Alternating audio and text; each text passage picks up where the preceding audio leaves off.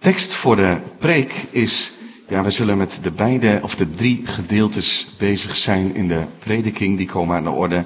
Maar in het bijzonder hoofdstuk 21, vers 1 en 2 en vers 6. Zullen we die versen nog een keer lezen? Daar staat, de Heer zag om naar Sarah zoals hij had beloofd. Hij gaf haar wat hij had toegezegd. Sarah werd zwanger en baarde Abraham op zijn oude dag een zoon op de vastgestelde tijd die God hem had genoemd. En vers 6. God maakt dat ik kan lachen, zei Sarah. En iedereen die het hoort zal met mij meelachen. Dat is Genesis 21, vers 1 en 2 en 6. Gemeente van onze Heer Jezus Christus. Eh, heb je al gelachen vandaag? De dag is toch al een stukje oud. Ik hoop het eigenlijk wel.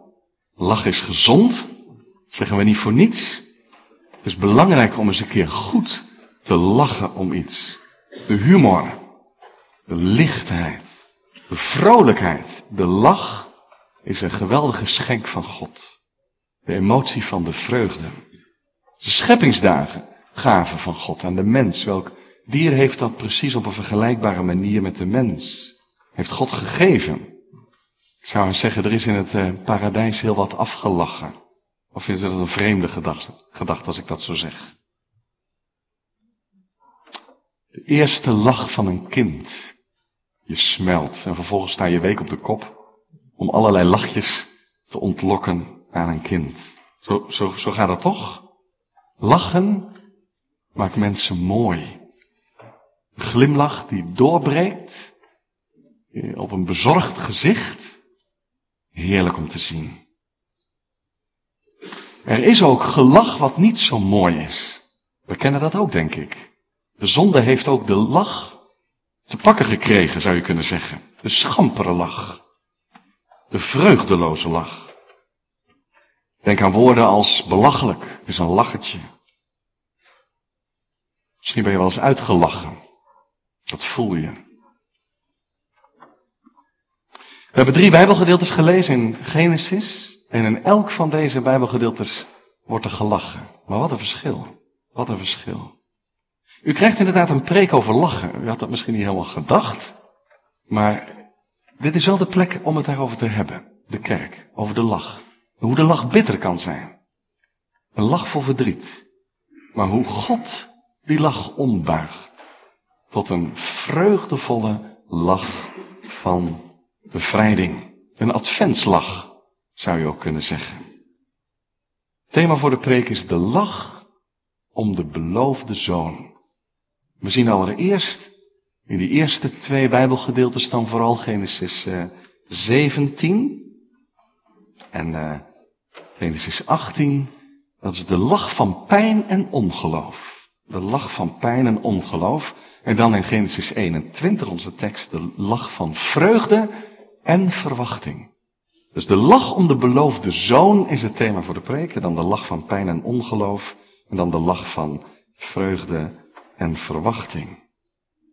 We zijn dus in de geschiedenissen van de aartsvaders, Abraham, die lang samen met zijn vrouw Sarai moet wachten op de beloofde zoon. 25 jaar lang, dat is echt niet niks. Leven tussen hoop en vrees. God die telkens zijn belofte herhaalt dat hij echt zijn woord zal waarmaken. Het zal uitkomen. En soms grijpt Abraham zich daar in geloof aan vast en hoopt hij weer en weet hij het zeker. God zal doen wat hij belooft. Maar hoe vaak valt die hoop eh, op de grond als niets. Dan is er geen geloof meer en lijkt het allemaal zo ontzettend ver weg. Maar wat is het belangrijk? Want het gaat hier niet alleen maar dat God aan één iemand belooft dat hij nog eens een kind zal krijgen, maar het is dieper dan dat. In hem zullen alle volken gezegend worden. Die belofte aan Abraham, die, die moet niet alleen in eerste instantie met die ene zoon in vervulling gaan, maar er volgt dan nog zoveel meer, totdat uiteindelijk die grote beloofde zoon zal komen. Jezus Christus, de Messias. En in hem worden alle volken van de aarde gezegend. Het is cruciaal. Het is zo ontzettend belangrijk dat deze zoon geboren zal gaan worden. En dan mag je het thema ook wel een beetje op twee manieren lezen. Het lag om de beloofde zoon, dat gaat om Isaac. Maar Het is ook de grote beloofde zoon, Jezus. We moesten Abraham en Sarah toch lang wachten. En wat is dat een bijzonder moeilijke beproeving. Geloven is niet gemakkelijk. Leven bij de belofte van God, terwijl je er om je heen eigenlijk niks van ziet. Je ziet er niks van. Niets is er waarvan je denkt, het zal nog eens in vervulling gaan. Sterker nog, je wordt ouder en ouder, zoals Abraham en Sarah zijn al lang de leeftijd voorbij dat ze nog op een kind zouden kunnen rekenen. En dan blijft God maar zeggen, ik, ik kan het doen en ik zal het ook doen. En er zijn momenten geweest dat Abraham heeft gezegd, ik zal het allemaal wel wat verkeerd begrepen hebben. Ik neem Hagar er wel bij en dan moet Ismaël, hij zegt het nog in een van de gedeeltes dat we gelezen hebben. Heer, neem Ismaël dan maar, het is al, het is al goed. Dan Ismaël maar, u zult het wel anders bedoeld hebben. Ik heb het vast niet helemaal goed begrepen, ik leg me er maar bij neer dat de hoop die ik had en het geloof dat ik had toch allemaal niet echt wat is. Wat een pijn in deze beproeving. En dan klinkt die eerste lach. Als God op een zeker moment, als ze al op hoge leeftijd gekomen zijn, de belofte gaat herhalen. We zongen, hij is vast besloten tot goede tierenheid. Nou, inderdaad. God zegt het, ik zal het echt doen. Je hebt zo lang gewacht en ik geef je er geen uitleg bij waarom het zo lang duurt, maar ik ga het doen. Je zult een zoon krijgen. Sarah zal een zoon krijgen. Je moet haar maar Sarah gaan noemen. En volken zullen, zegt eh, Genesis 17, vers 16. Ik zal haar zegenen en jou bij haar een zoon geven. Ik zal haar zo rijk zegenen dat er volken uit haar zullen voortkomen. En koningen van haar afstammen. Nou, zo, zoveel betekent Sarah. Moeder van vorsten, van koningen. Ik laat je wel wachten, zegt God haar. Maar ik uh, schaf het niet af. Het zal echt gebeuren. Ik vergeet mijn belofte niet. En dan buigt Abraham voor God neer in diep ontzag voor God. Want dat ontzag is er, maar staat er direct bij. Kijk maar mee in vers 17. Abraham, van Genesis 17, dus Genesis 17, vers 17. Abraham boog zich diep neer, maar lachte. En dacht, hoe kan dat nou? Dat gaat niet meer. Kan iemand van honderd nog een kind krijgen en Sarah op de negentigste nog? Hij lacht. Hij lacht. Wat is dat voor lach? Het is geen lach van bevrijding. Geen lach die de spanning eraf haalt. Nee. Het is geen lach van hoop en van geluk en vreugde.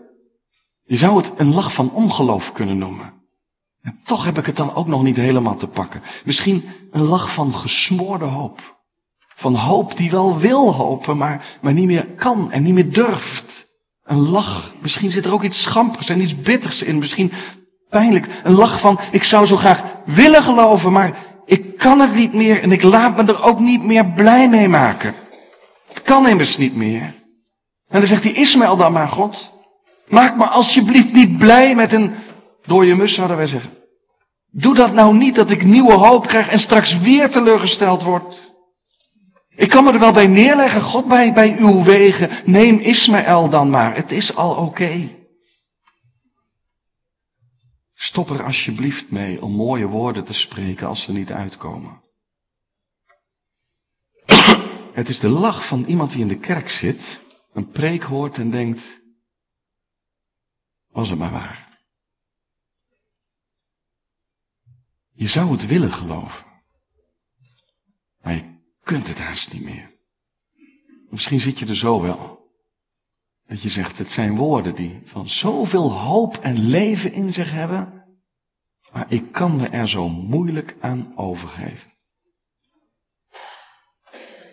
Het is niet zomaar de lach van ongeloof. Je zou kunnen zeggen, de hoop die er was, die er werkelijk was, is in de knel gekomen. Geen ruimte meer gekregen, geen zuurstof meer gekregen. Het is ook hoop die bang is om gekwetst te worden. Abraham zegt 100 jaar al, Heer God, wat praten we over? Sarah is 90. 25 jaar lang heb ik zitten wachten. En nou, nou, nou ben ik tevreden mee dat het, nou, het leven nou eenmaal niet gaat zoals het gaat. En ik heb mijn manier van geloven gevonden. Ik, ik geloof ook wel in u en ik heb ontzag voor u en ik kniel voor u. Maar, maar, maar wat er nog allemaal in vervulling zal gaan, ik durf niet zo goed meer te hopen. 100 jaar, 90 jaar, je zou ook van minder in de lach schieten. Maar, zongen het, de Heer is vast besloten tot goede tierenheid, trouwe liefde. En hij laat zich gelukkig niet van de wijs brengen. Hij haalt het in alle rust waar Abraham zegt, ja, ik kan me er niet meer aan vastgrijpen, zegt God. En ik ga het doen. Hij herhaalt het. Hij herhaalt het in alle rust. Er is reden om niet te zien en toch te geloven. Er is reden om in die tijd van beproeving dat Gods beloften nog uitstaan, om je er toch naar uit te strekken. Al denk je soms, komt er nog wat van, van het koninkrijk van God. Komt er nog wat van, van die nieuwe dag. We wachten al zo lang. Wanneer zal het gaan gebeuren? Opnieuw klinkt er een lach. Genesis 18 lezen we dat Abraham en Sarah bezoek krijgen van de Heere zelf in de gedaante van drie mannen die bij hem op bezoek komen. En dan wordt er heel duidelijk naar Sarah gevraagd. Waar is Sarah? En dan klinkt opnieuw die belofte, maar nu voegt de Heer daar de exacte tijd bij, want over een jaar zal ik hier terugkomen en dan heeft Sarah een zoon. Nog nooit is het zo concreet geworden. En Abraham die hoort dat aan, die zit daar met die mannen daar voor de tent. En Sarah is binnen in de tent bezig, vast de maaltijd klaar te maken of zo. Maar zij hoort het. Je zult een zoon krijgen, gedachten vliegen, je kunt het je voorstellen, vliegen door Sarah's hoofd. Het is al gedaan, zegt ze. Ik ben niet vruchtbaar meer, ben verwelkt. Waarom zouden we nog met elkaar naar bed gaan, zegt ze eigenlijk. Het is, de hoop is achter ons. We, hebben, we rekenen niet meer op. Het is voor ons een gesloten boek geworden. Maar ergens zit daar de pijn en, en het is niet eens hardop dat ze lacht, maar dan staat er in vers 12, ze lachte in zichzelf. Daarom, Genesis 18 vers 12, lachte ze in zichzelf. Zou een zwangerschap voor mij nog weggelegd zijn, dacht ze ben immers verwelkt en ook mijn man is oud. Ze lacht, niet hoorbaar. Een lach lijkt wel erg op die van Abraham. Wat zal er een verdriet in deze lach zijn geweest? Dit is, dit is geen lach van onverschilligheid. Zal het aan kunnen horen en zeggen, ach ja, nee. Maar ze lacht en, het is zo'n lach, daar zit gewoon ontzettend veel verdriet en pijn in. Pijn van kinderloosheid, pijn van, van hopen en niet krijgen. Altijd weer die belofte, altijd weer hopen en dan valt die hoop neer als een lekker bal in een zandbak. En dan moet je weer verder met je leven. En daar deal je dan mee, maar het blijft ergens een open wond. En dan komt zo'n belofte weer met exact nog een jaar en dan zul je zoon hebben en dan denk je, nou, en ze lacht. Er zit in die lach ook iets van, rijd alsjeblieft die wond niet meer open. Maak me nou niet blij. Eigenlijk hetzelfde als met Abraham. Denken dat Sarah misschien er nog meer pijn van heeft gehad. Je zal het zeggen, de vreugde is zo kwetsbaar. Je kunt soms zo hoop en vreugdevol zijn, maar vreugde en liefde zijn altijd kwetsbaar voor teleurstelling. Geef me geen hoop, ik heb de bitterheid al aanvaard. Laat het alsjeblieft daarbij. En dan zegt de Heer, waarom, waarom, waarom heeft Sarah gelachen? Ik is gehoord, maar de Heer detecteert dat, hij, hij weet het. Zegt, waarom lacht Sarah erom? Dan spreekt hij, zou voor de Heere iets te wonderlijk zijn. Later staat Zacharia daar in de tempel, bij het reukofferaltaar, waar die gerubs, die engelen op dat voorhangsel zijn. Het lijkt alsof één zich losmaakt, naast hem komt staan en zegt, God zal het onmogelijke doen op die hoge leeftijd van Elisabeth. Je zult een zoon krijgen, want God gaat zijn belofte vervullen. En dan zegt Zacharia achter, maar dat, dat kan toch niet? Kan, ik ben Gabriel die voor God staat. En legt de Heer de vinger bij het ongeloof van Zacharias en zal hij zwijgen zo lange tijd. En hier ook. Hoe begrijpelijk is het ongeloof? Hoe begrijpelijk? Toch legt de Heer er hier de vinger bij. Het is wel ongeloof. Sarah, hou je er rekening mee dat ik de Heer, zegt hij eigenlijk, dwars door het onmogelijke heen, als je het niet meer kunt geloven, als je niet meer durft te hopen, dat ik het echt kan doen. Dat ik het graag zo doe. Om te laten zien hoe groot mijn goedheid en mijn trouw is. En dan herhaalt hij de belofte opnieuw. Sarah ontkent, durft niet toe te geven. Ze neemt zichzelf eigenlijk in bescherming met haar pijn en ongeloof en zegt, nee, nee, ik heb niet gelachen. Je hebt wel gelachen, zegt de Heer. Het klinkt niet hard, maar de Heer legt wel de vinger bij het ongeloof. Ja, de dingen lijken zo onmogelijk. Maar het gaat om God. Om zijn trouw om zijn liefde. Zo is God. Ongeloof blijft ongeloof. Klein denken van God. Hoe is dat bij ons? We beginnen deze zondag met een prachtig gedicht. In die nacht van zorgen een licht zal gaan schijnen. En we gaan het vieren in de adventstijd en dan met kerst. Het is, het is bijna iets wat zich elk jaar weer herhaalt. Zijn we nou verder gekomen? Hoeveel zijn we nog aan het wachten?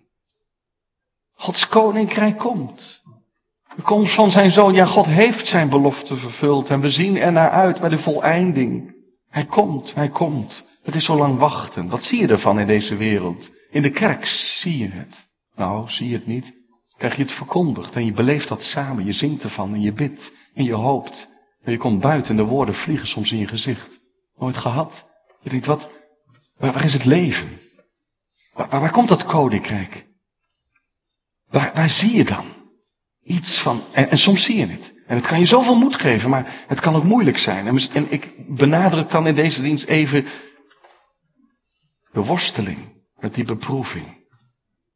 God, wanneer zie ik iets van u? Misschien herken je de lach van binnen, van pijn en ongeloof. Oh, je kunt misschien ook lachen, dat je het belachelijk vindt. Wat geloven en hopen die mensen daar in die kerk precies. Maar het kan ook binnen de kerk zijn dat, je, dat die lach dieper gaat en dat je zegt, Heere God, nu wilde ik eens graag geloven met heel mijn hart en dat ik straks zo vol vreugde de kerk uit ga. Zo vol vreugde omdat ik het omarm en eruit leef, maar ik vind het moeilijk. Ik durf me eigenlijk, herken je dat? Ik durf me niet zo goed mee te laten nemen door die vreugde, want ik ben bang voor de teleurstelling. Luister, want de lach breekt door. In Genesis 21 lezen wij, en dat staat er zo, zo bijzonder in het eerste vers. De Heer zag om naar Sarah, zoals hij had beloofd. Hij gaf haar wat hij had toegezegd. Dat is dubbelop.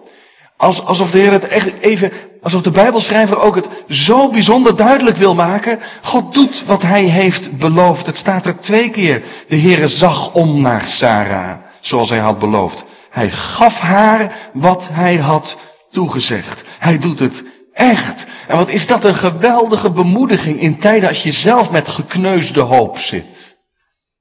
Dat je het moeilijk kan omarmen. En dat je misschien je verwachtingspatronen uit zelfbescherming wat erbij gesteld. Vers 2 zegt dan, Sarah werd zwanger.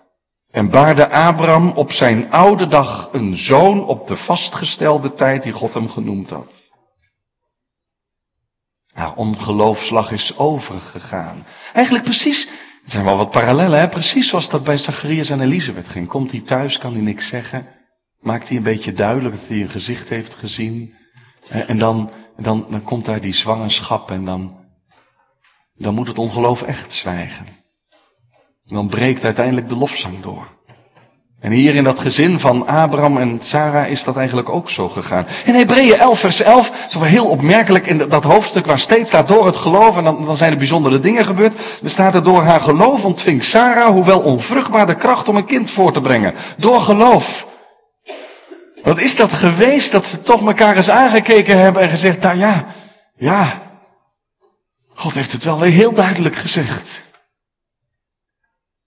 En, en overdrijf ik dan als ik ze zeg, ze zeggen, ze zijn toch in geloof maar weer met, met elkaar naar bed gegaan.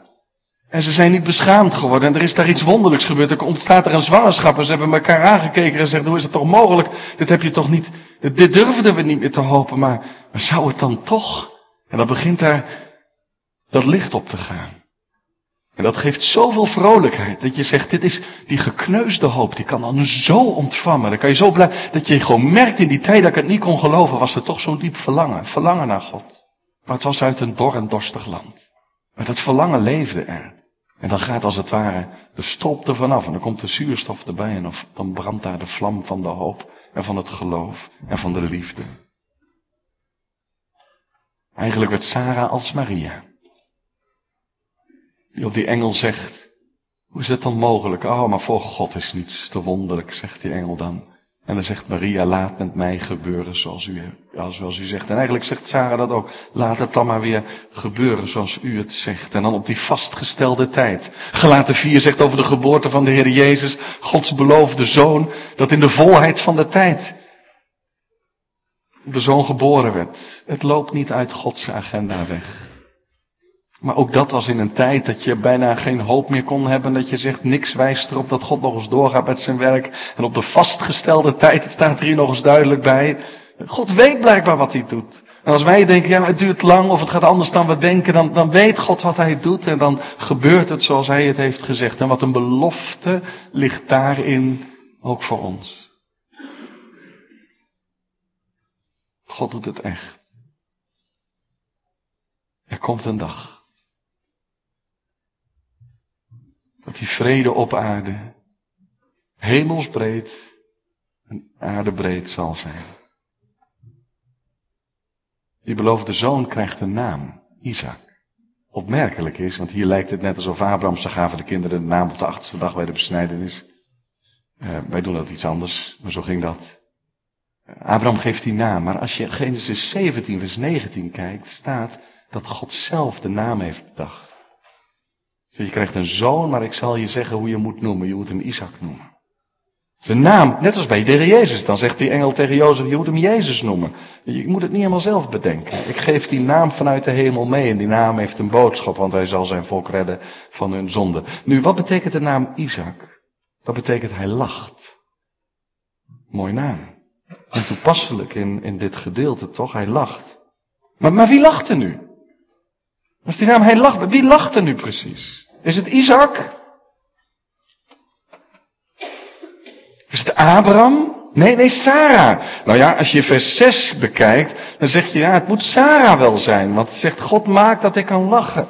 Of, of zou die naam hij lacht, de hij in hij lacht, dan toch de Heere zelf zijn? Die, met eerbied gesproken, met een brede glimlach, deze, dit kind in de wieg gelegd ziet worden. En zegt, kijk, zo doen we dat. Zo doe ik dat. Al is het door onmogelijkheden heen, ik maak mijn woord waar. Ik vervul mijn belofte. De lach van zijn vreugde. De lach van zijn heilsplan.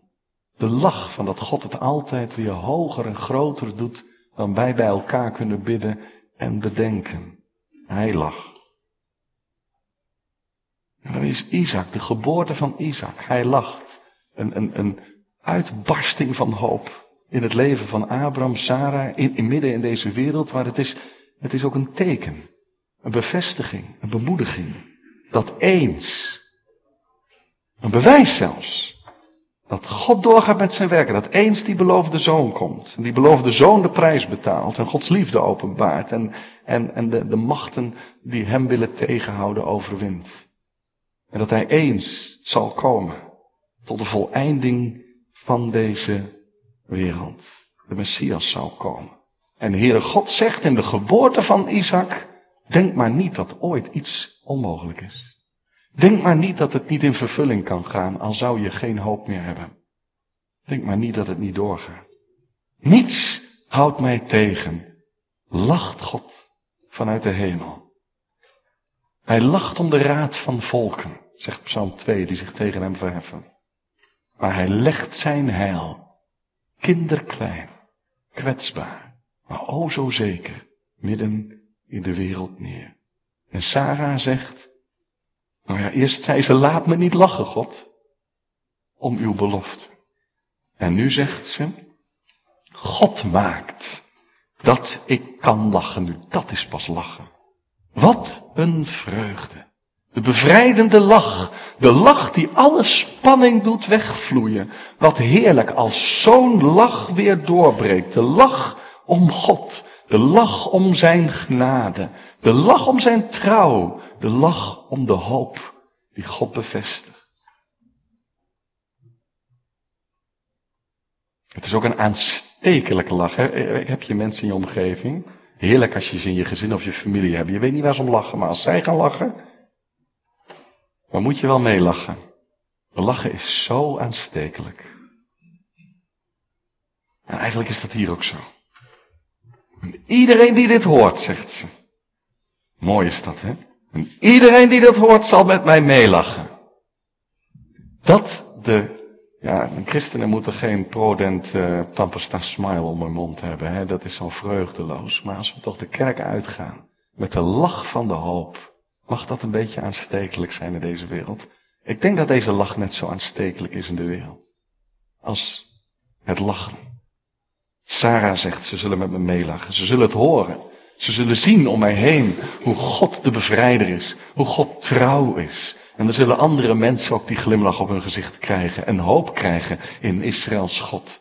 Die uh, zijn beloften niet laat liggen. Maar echt ten uitvoer brengt. Je gaat ervan meelachen. Mee geloven. Mee loven. Mee prijzen. Het is de lach van Advent, de lach van de verwachting. Sarah zegt vers 7, zal, want ze zegt het zelf nu ook, hè, ze gelooft het nu echt zelf. Wie had Abraham durven voorspellen dat ik ooit een kinderborst zou geven? En toch heb ik op zijn oude dag nog een zoon gebaard. En ergens denkt ze ook, dit is ook nog maar het begin. Dit is ook nog maar het begin. Er zullen er nog veel meer geboren worden. Sarah is de moeder van velen, van vorsten. Maar zij gelooft dat. Dan mag de glimlach wel vast doorbreken, ook bij ons, al zie je er nog zo weinig van. Want je kunt ervan op aan. En als volgende week ook hier het heilige avondmaal bediend zal worden, dan is dat de maaltijd waarin die hoop doorbreekt. Waarin je proeven mag dat wat je nog niet ziet wel werkelijkheid is. Dan mag je verheugen in de trouw van God.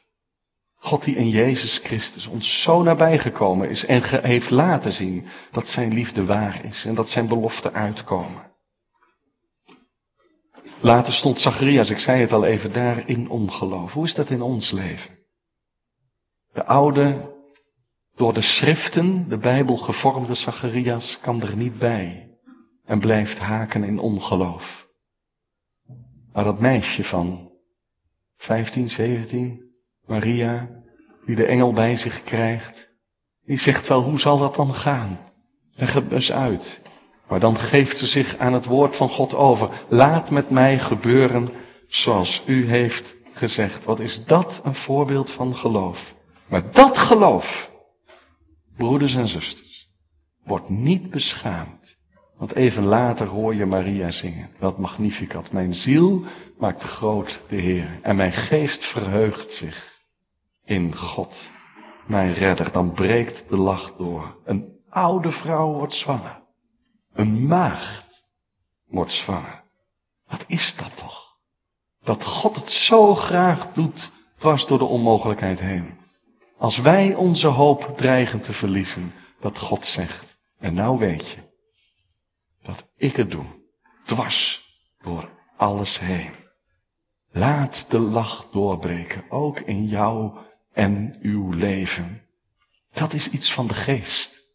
Als je nieuwe hoop krijgt, geef je je eraan over, helemaal. God is trouw, wat er ook gebeurt. Want eens, eens klinkt de kinderlijke, eenvoudige, vreugdevolle schaterlach. Als we na de nacht van pijn en zorg Echt. Die dag aanbreekt, de jongste. En de hoop waarheid zal blijken. En de strijd met ongeloof totaal voorbij zal zijn. De vreugdevolle lach. Zonder gekneusde hoop. Vreugde. Vreugde. Louter vreugde. Ook dan zullen we zeggen, God heeft mij doen lachen. En dat houdt nooit meer op. Amen.